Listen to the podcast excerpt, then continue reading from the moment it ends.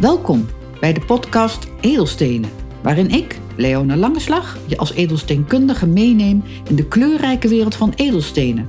Of ook wel gems. Je gaat kennis maken met feiten en nuttige weetjes over de verschillende soorten edelstenen. En ik daag je uit om verder te kijken dan je neus lang is. En vertel je graag over mijn belevenissen. Ook geef ik tips en tools die je kan gebruiken om instinkers of zelfs dure miskopen te voorkomen. Vertrouwen is goed, maar meten is weten. Leuk dat je luistert.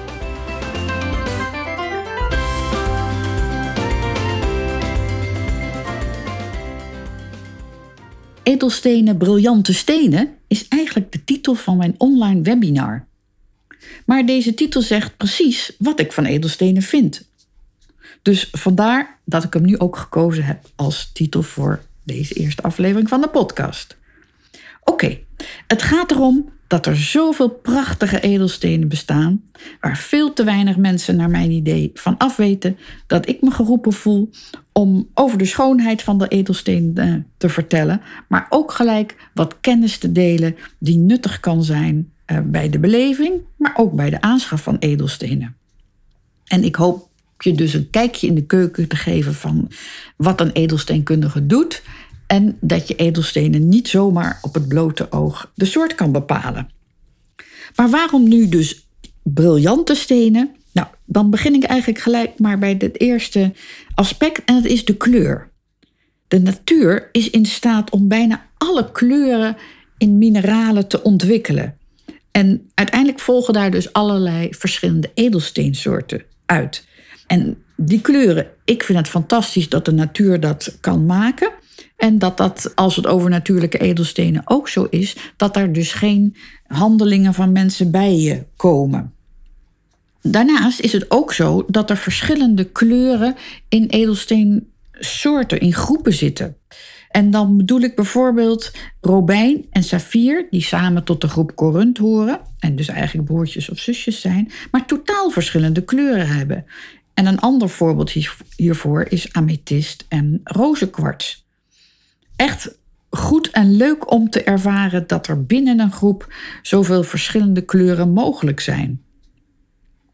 Daarnaast is het ook nog zo dat al die kleuren dus in lichtere en donkere tinten naar voren kunnen komen.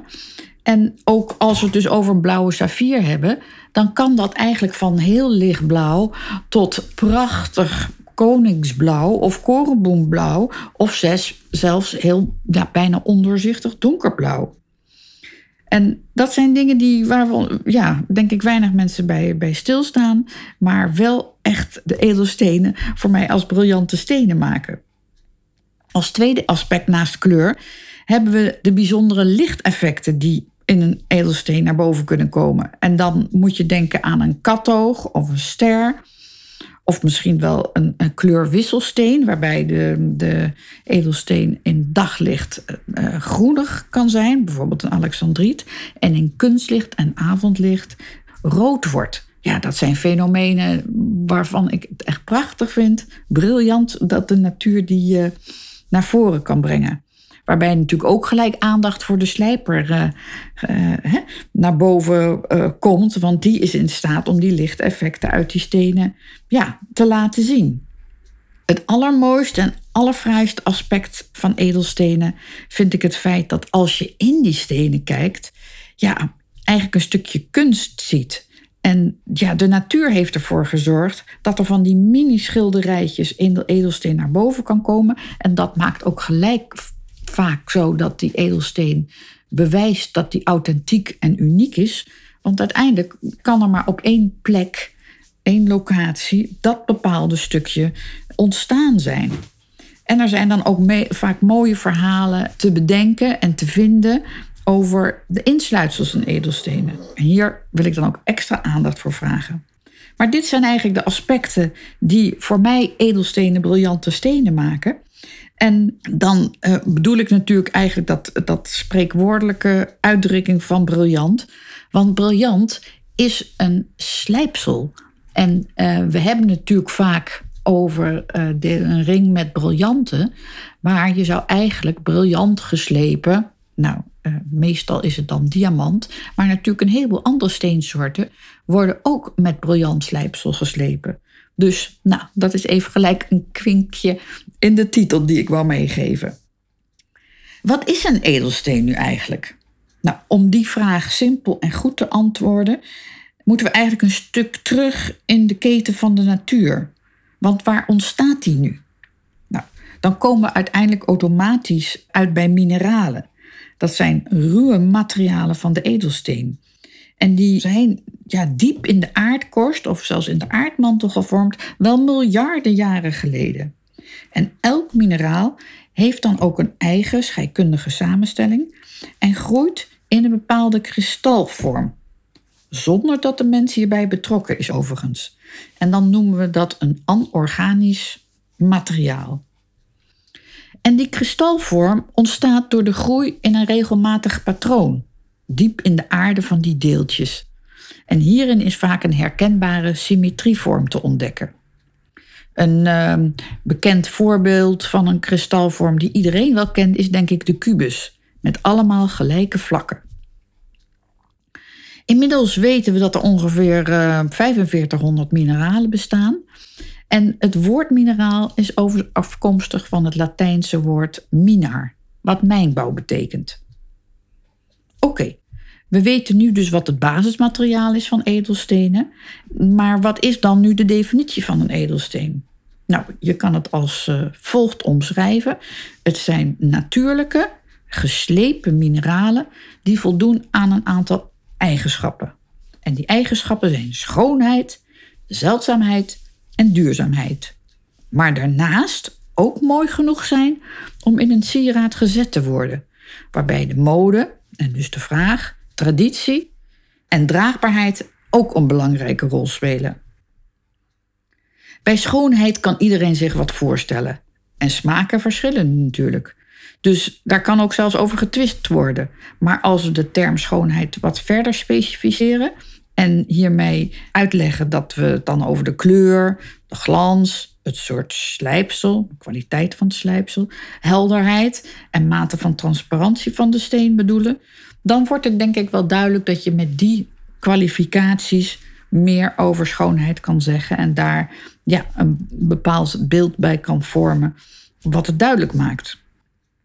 Als we het over duurzaamheid hebben, dan hebben we het niet alleen over de hardheid, maar natuurlijk ook over het weerstandsvermogen van de edelsteen tegen zonlicht bijvoorbeeld of ander licht, eh, water, andere vloeistoffen, chemicaliën.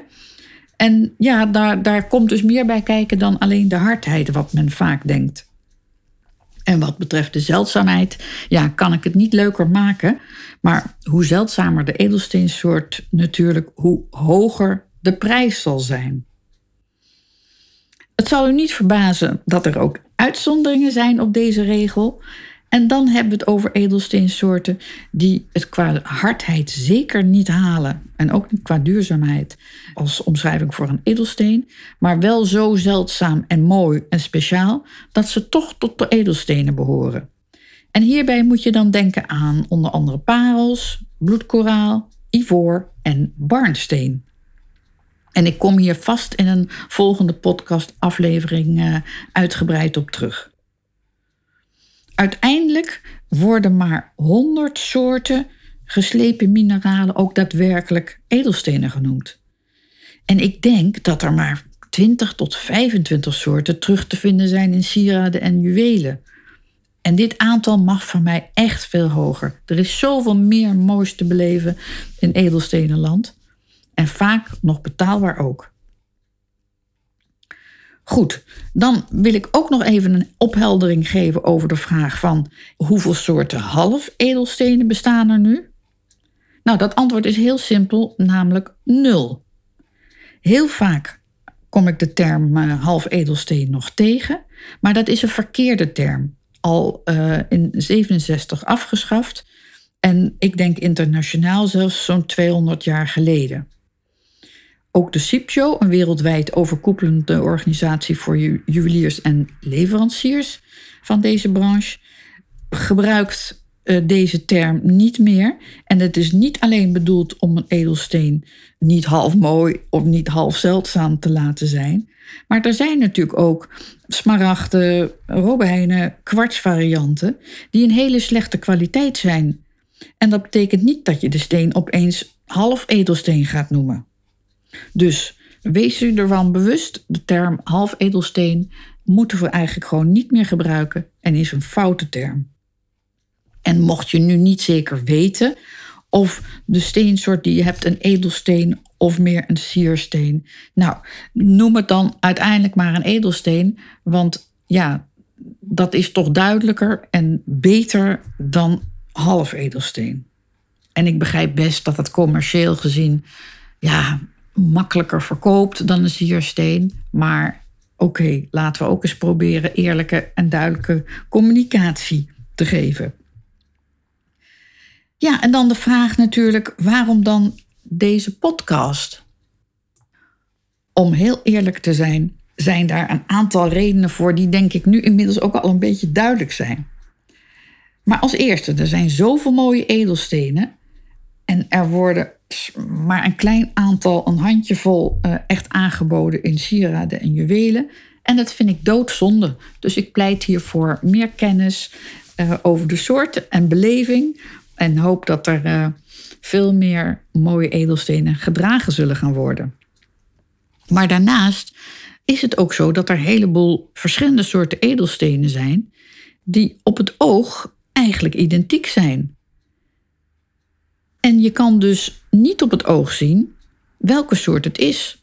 Om even een voorbeeld te noemen, er zijn minimaal zeven soorten heldere gele edelstenen. Ik noem er even een paar: citrien, gele saffier, goudberyl, tourmalijn, fluoriet, zircoon en scapoliet.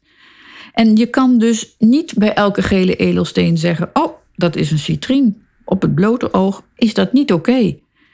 Ehm, want je kan de soort op, met het blote oog niet bepalen. Hiervoor heb je apparatuur nodig en kennis en ervaring om hiermee om te gaan.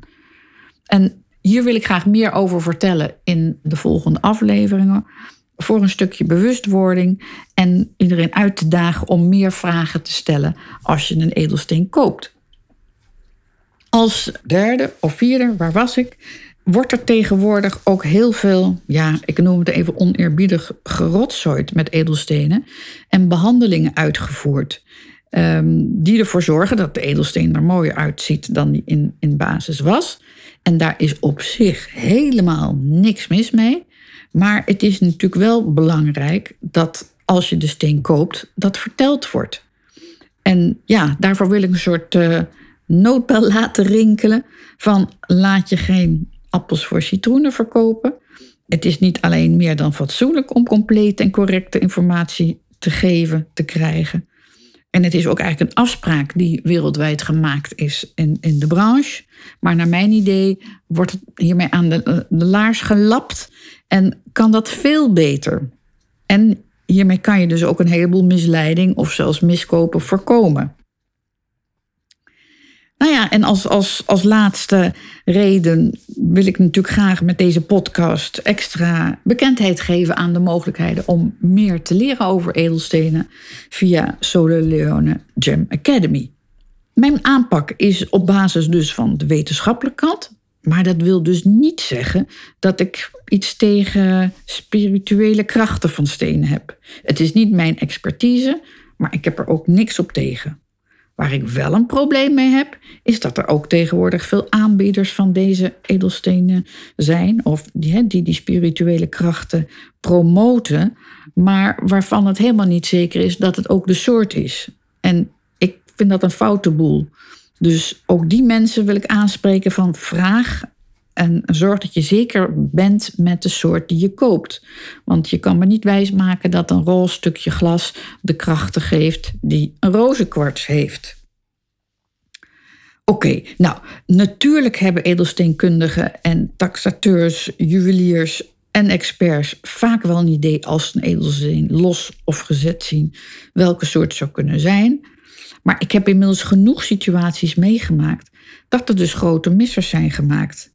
En je uiteindelijk daarna ja, als een juweel verdwijnt, als het geërfd wordt, er geen taxatie is of opnieuw getaxeerd moet worden en je er dan achter komt. Maar dat betekent dat het eigenlijk onnodige ellende kan geven. Maar het is natuurlijk ook zo dat er inmiddels synthetische edelstenen bestaan. In de fabriek gemaakte edelstenen die identiek zijn aan natuurlijke. En wat je vaak op het blote oog niet kan zien, maar wel een enorm prijsverschil in zit.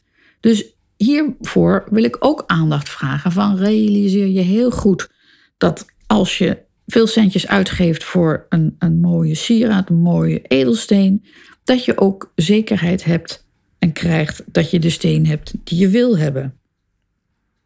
Je moet nu overigens niet gelijk denken, jemig edelsteenkunde, oh, dat is echt een moeilijk vak. En uh, nee, het is geen rocket science, maar een vak van toegepaste wetenschap. En dat nog volop in ontwikkeling is en zal blijven, want er worden nog steeds nieuwe edelsteensoorten ontdekt in de wereld, of nieuwe locaties waar bepaalde edelstenen gevonden worden. En het is dus een vak waarbij je, ja, net als een arts of uh, tandarts of uh, verpleegkundige, uh, bijscholing noodzakelijk blijkt, ook al heb je je diploma ooit gehaald. En je kan het ook zien als ehm, ja, eigenlijk autorijden. Als je je rijbewijs gehaald hebt, dan pas ga je echt ervaring opdoen en, en goed leren rijden. Dus, en dat is ook een beetje met edelsteenkunde. Als je weet hoe de apparatuur werkt en uh, hoe je juiste conclusies kan trekken, dan ga je het pas echt leren als je heel veel stenen gaat zien en bekijken.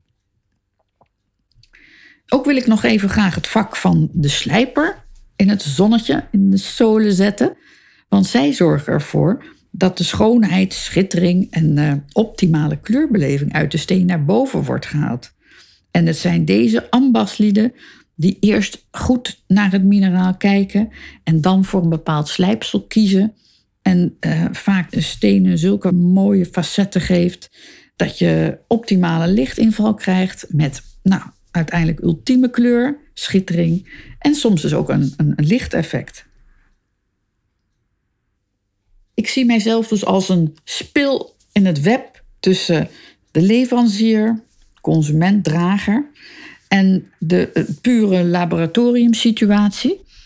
En ja, naar mijn idee is er een groot gat in het kennisniveau bij de klant-consument, maar ook soms bij een juwelier kan het kennisniveau echt hoger, waarmee je ook meer beleving gaat creëren.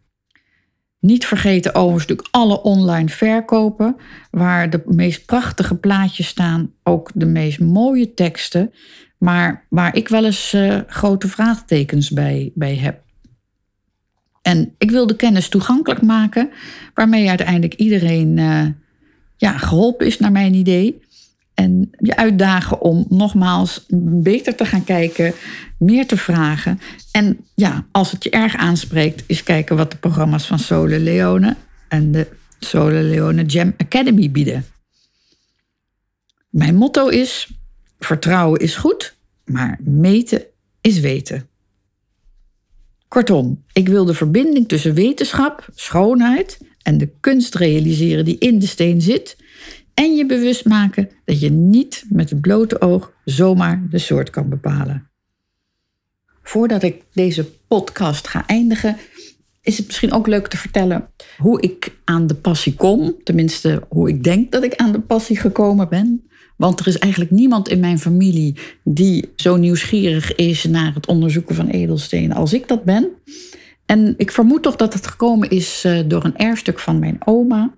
Zij heeft mij wel gekend, maar ik was twee toen ze overleed. Dus ik heb geen herinnering helaas aan haar. Maar ook, ook zij is bijvoorbeeld dol op tapdansen, wat ik ook ben. Dus ja, misschien uh, heb ik het toch van haar. En ik heb dus een ring geërfd met een lichtblauwe bol cabochon geslepen uh, steen. En als je er een lichtje op schijnt, dan komt daar een uh, ster naar voren. En dat fenomeen en ja, dat je dus niet zo op het blote oog kan zien wat voor edelsteen dat is, dat heeft me altijd uh, geïntrigeerd. En ja, ik denk dan dus ook dat dat de basis is voor mijn passie voor de edelstenen en voor uiteindelijk de studie oppakken. En ja, zo ben ik dus op mijn negentiende naar Schoonhoven gegaan en ben daar de, de studie uh, edelsteenkunde gestart. Maar in combinatie met de rechtenstudie die ik toen deed, ja, werkte dat niet en, en ben ik ermee gestopt. Maar uiteindelijk ben ik rond mijn veertigste toch weer aan de studie in Schoonhoven begonnen. Want ik werd geenthousiasmeerd door uh, Gijs ten Katen, die toen ik een baan op dat moment stopte, zei: Wil je niet nog wat leren? En ik denk dat dat uiteindelijk uh, ja, de trigger op dat moment geweest is om toch voor de edelsteenkunde te gaan. En uiteindelijk is daar dus mijn uh, Sole Leone Gem Academy uit voortgekomen. Want het is, ja, tijdens mijn studie kwam ik er ook achter dat er te veel moois te zien is. Te leuk om te ontdekken en te beleven. En ja, als je dan je studie hebt afgerond, dan wil je er ook dolgraag wat mee doen. Dus uh, zo is het eigenlijk in een uh, notendop gegaan. Nog even over die ring dus van uh, mijn oma. Dat is uiteindelijk een lichtblauwe korund.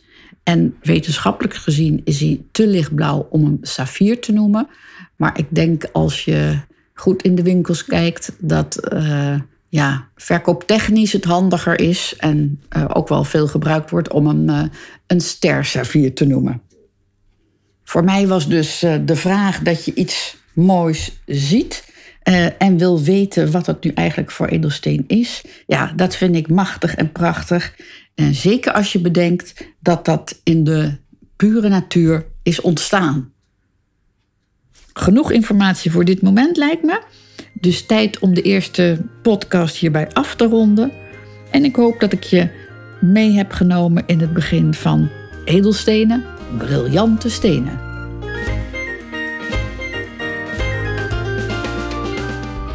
Wat goed dat je geluisterd hebt naar deze podcast. Als je mijn missie steunt om nog meer transparante en eerlijke informatie te krijgen over edelstenen, abonneer je dan op deze podcast. Wil je nu direct meer weten? Download dan mijn gratis e-book over 12 geboortestenen via de show notes.